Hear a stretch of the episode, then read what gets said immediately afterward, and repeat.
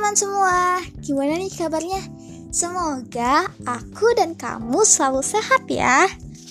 Aku Devi Sintia, mahasiswa Universitas Pendidikan Indonesia jurusan Pendidikan Sosiologi tahun 2020 bakal bawain podcast yang pastinya akan mengedukasi kalian semua.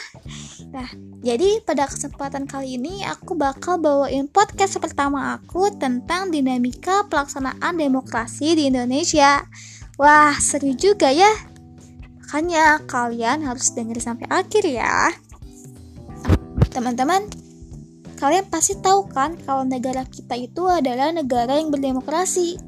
Ya, tanpa kita sadari itu setiap hari kita pasti bakal berdemokrasi kita pasti bakal mengeluarkan pendapat kita, entah itu dalam lingkup keluarga, pertemanan, masyarakat, ataupun pada saat kegiatan belajar mengajar. Ya, itu tuh karena kita adalah manusia yang diberikan hak kebebasan untuk berpendapat. Hmm, teman-teman, pelaksanaan demokrasi di Indonesia dari masa ke masa tidaklah sama mengingat undang-undang dasar yang berlaku pun selalu berganti-ganti. Nah, jadi pergantian undang-undang ini tuh menyebabkan pergantian sistem pemerintahannya pula. Lalu, proses perkembangan demokrasi di Indonesia itu dibagi menjadi empat tahap. Tahap yang pertama adalah tahap parlementer yang terjadi pada tahun 1950 sampai dengan 1959.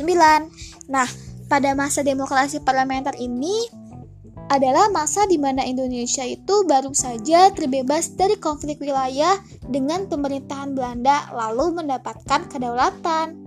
Pada masa demokrasi parlementer ini juga memiliki beberapa ciri-ciri, yaitu menggunakan sistem parlementer dan partai politik yang besar.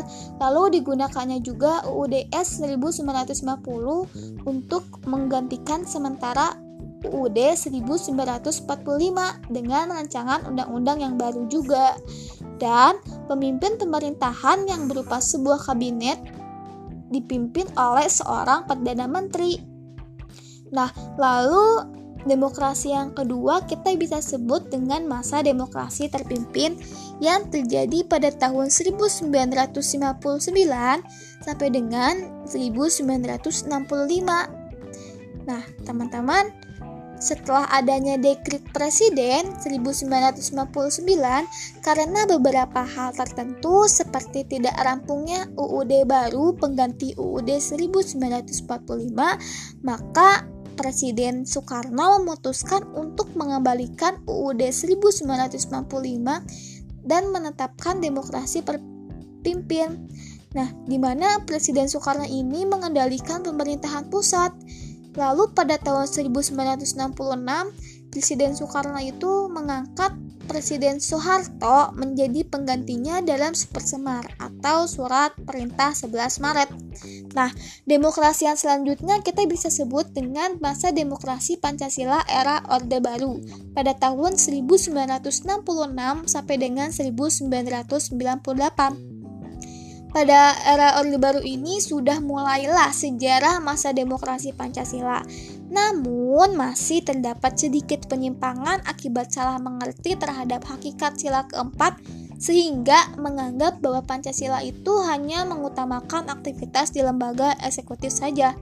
Nah, jadi ini tuh yang menyebabkan pada masa Orde Baru ini demokrasi Pancasila masih agak mirip dengan demokrasi terpimpin. Lalu demokrasi yang terakhir kita bisa sebut dengan masa demokrasi Pancasila era reformasi yang terjadi pada tahun 1998 sampai dengan sekarang.